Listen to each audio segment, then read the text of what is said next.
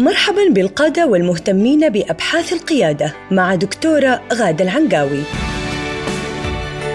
حيث تقدم لكم أبعاد القيادة المتعددة للمنظمات وفرق العمل. وتلتقي بكم كل أسبوع في لقاء شيق لطرح مفاهيم حديثة تثري رحلتكم القيادية. أهلا بكم في حلقة جديدة من برنامجكم المفضل معي غادة عنقاوي حيث ألتقي بكم مجددا في حلقة حول القيادة والسياق التنظيمي وأدواته ولأني أمارس التوجيه القيادي الكوتشنج وتوجيه فرق العمل فإن محتوى حلقاتي مستقى عادة من نقاشاتي مع عملائي أو من أبحاثي الأكاديمية وتطبيقاتي العملية في أرض الواقع في مختلف المنظمات عالميا وفي العالم العربي. اليوم نكمل الحوار حول تعدد اللغات في بيئة العمل ونركز في هذه الحلقة حول الخلط بين اللغتين هل هو سلبي أم أنه لا ضرر منه. وكما ذكرت لكم مسبقا أستند في محتويات هذه الحلقة على المعلومات الناتجة من الاستطلاع الذي قمت به مسبقا وأرحب بكل مشاركات المستمعين. حسب آراء المشاركين في الاستطلاع وقد بلغ عددهم 44 شخصا تتلخص الآثار السلبية للخلط بين اللغات في بيئة العمل في النقاط التالية. ضياع العربية 17 من المشاركين يرى أن الخلط يؤدي إلى ضياع اللغة العربية ونسيان مفرداتها وخلق جيل يفقد قوته في لغته الأم. وبذا قد تنعدم هذه اللغة بعد أجيال أو تتشوه معانيها والبعض يرى تحت هذه النقطة أن التحدث بلغة غير لغة الحضور قد يشكل إهانة لهؤلاء الحضور من الجنسيات المتعددة الثقافات واللغات. النقطة الثانية حسب آراء المشاركين حول التواصل في بيئة العمل 14 من المشاركين في الاستطلاع يرون فقدان الرسالة الأصلية وسوء الفهم للمعنى من أهم النتائج السلبية التي تؤثر على حصيلة الوعي العربي وعدم وصول الفكرة الصحيحة لدى بعض الموظفين من ذوي اللغة الواحدة العربية غالبا وقطع التواصل إن لم يكن المستلم للرسالة مدركا لما تقوله. وقد يسبب استخدام اللغة الأجنبية مشاكل بالتواصل مع الفريق فريق العمل خصوصا إن كان أعضاء الفريق كلهم عرب والتقارير والنتائج كلها بالعربية. كذلك المراسلات. ومع رؤيتهم بأن اللغة الأجنبية ضرورية للمتخصصين كل في مجاله وأن الخلط بين اللغتين يصلح في البيئة التي آه، فيها ثقافتين مختلفتين عربية وأجنبية لكي لا يتم تهميش الطرف الآخر الأجنبي. ولكن إذا كانت آه، البيئة أغلبها عرب فينبغي استخدام اللغة العربية هذا طبعا آه، استخدام اللغة الأجنبية في بيئة كلها عرب. قد يسبب حسب ما رأى المشاركين نظرة الناس آه، أنك متعجرف أو ترى أنك أفضل من الجميع لأنك تتحدث اللغة الأجنبية. وقد يؤدي أيضا إلى حرمان الآخرين من فرص العمل والترقي.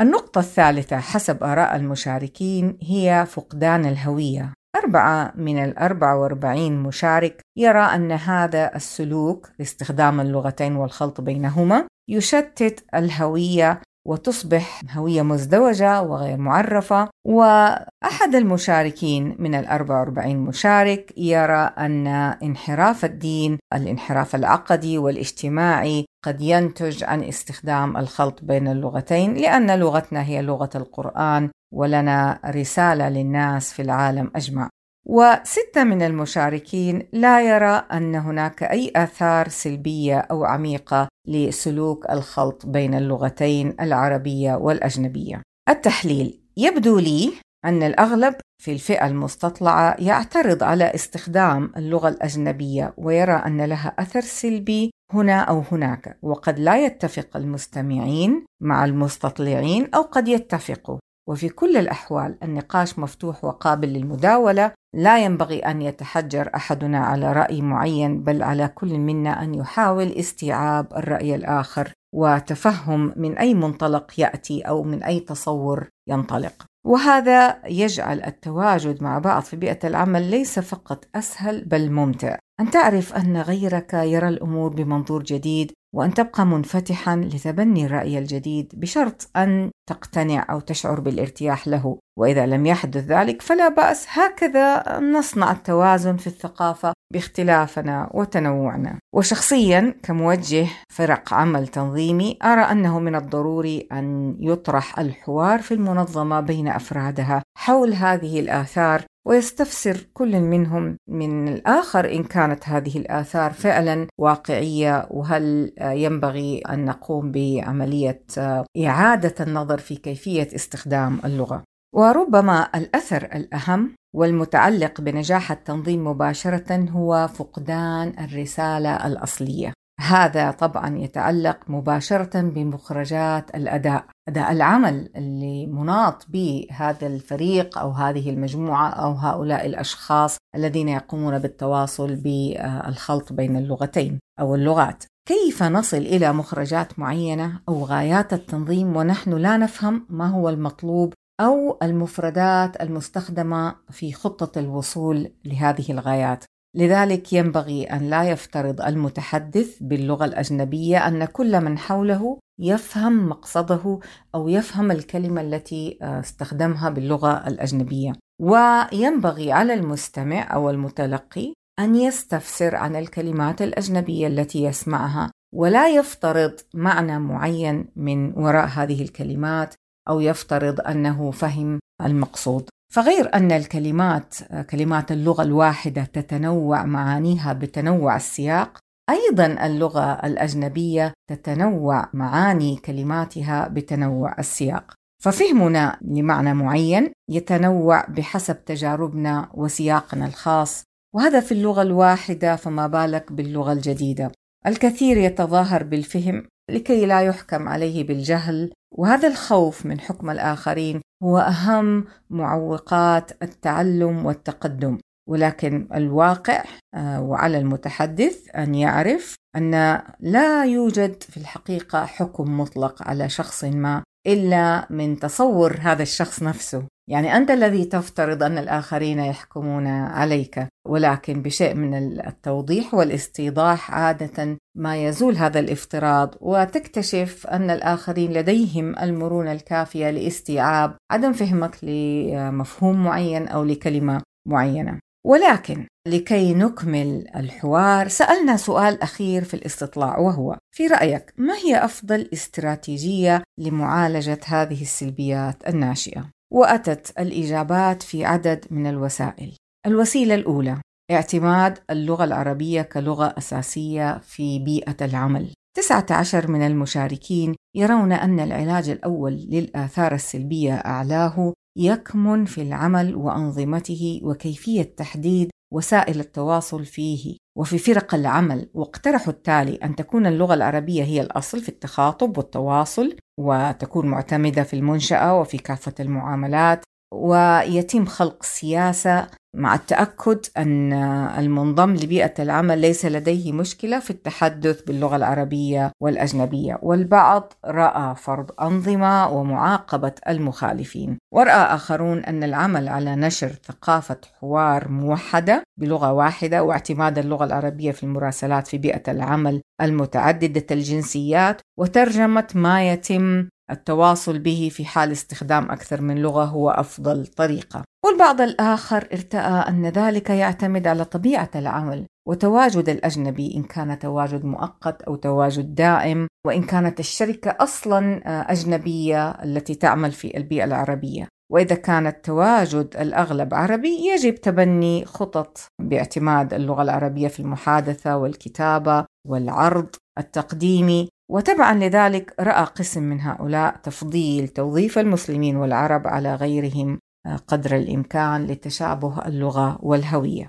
قد تواجد هذه الحلول أعلاه تحديات منها ما ينافي سياسة المساواة في توظيف الأجناس المختلفة اللغات والثقافات في بعض البلاد العربية ودول الخليج أو بعض بيئات العمل التي هي أصلا بيئات أجنبية مثل شركات عالمية لها فروع محلية وتتعارض هذه السياسات مع حقوق الإنسان.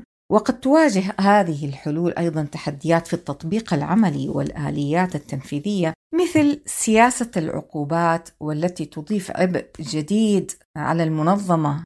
فبدل أن تصبح المنظمة ذاتية الحركة تصبح أكثر بيروقراطية وتتحرك بما يملى عليها. ومن التحديات أيضا الترجمة والمفردات ولكن هذا التحدي طرحت له حلول في الوسيلة الثانية. الوسيلة الثانية الترجمة وتنمية الحصيلة اللغوية. وضع 12 مشارك حل الترجمة وتنمية الحصيلة اللغوية العربية وأضافوا لو التزم كل شخص يتحدث بكلمة أجنبية بأن يسوق مرادفها بالعربية أو يشرحها فسيتم أقلمة الجميع على استخدام الكلمات العربية في السياق تدريجيا وقال البعض لماذا لا نستخدم محرك جوجل أو أي قاموس إلكتروني في ثواني لنحصل على المرادفات؟ واقترح البعض الاستعانة بمترجم محترف يعمل في المنظمة لهذا الهدف. وأيضا التحضير المسبق للمادة والتأكد من تغطية المصطلحات المستخدمة بالعربية مع الإشادة لها بالإنجليزية لكي يتم استبدالها تدريجيا في ثقافة التنظيم أحيانا لا يمكن ترجمة المصطلح 100% لأنه وجد في لغة وسياق غير عربي ومن هنا تأتي ضرورة شرح السياق وتقريب الفهم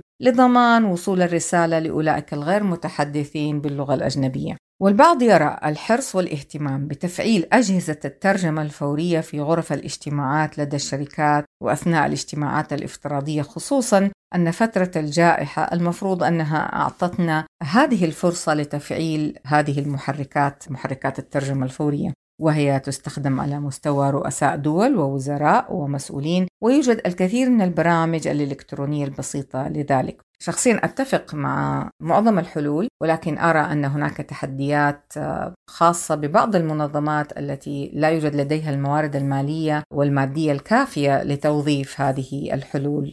الوسيلة الثالثة تأثير اجتماعي إعلامي سبعة من المشاركين يرى أن الحلول تكمن في تغيير التصور الاجتماعي باستخدام الإعلام والتطبيع الجماهيري من خلال الدراما والتغريدات ووسائل التواصل والمرئيات ويرى البعض تشويه ومحاربة الذي يخالف ذلك في الإعلام. ولكني شخصيا أختلف مع هؤلاء في موضوع التشويه لمن يخالف فذلك ليس أخلاقي. وأخيرا هناك فئة قليلة من المشاركين ارتأت ترك الموضوع ولا ضرر منه وخاصة في بيئات العمل المختلطة الثقافات والمتنوعه اللغات.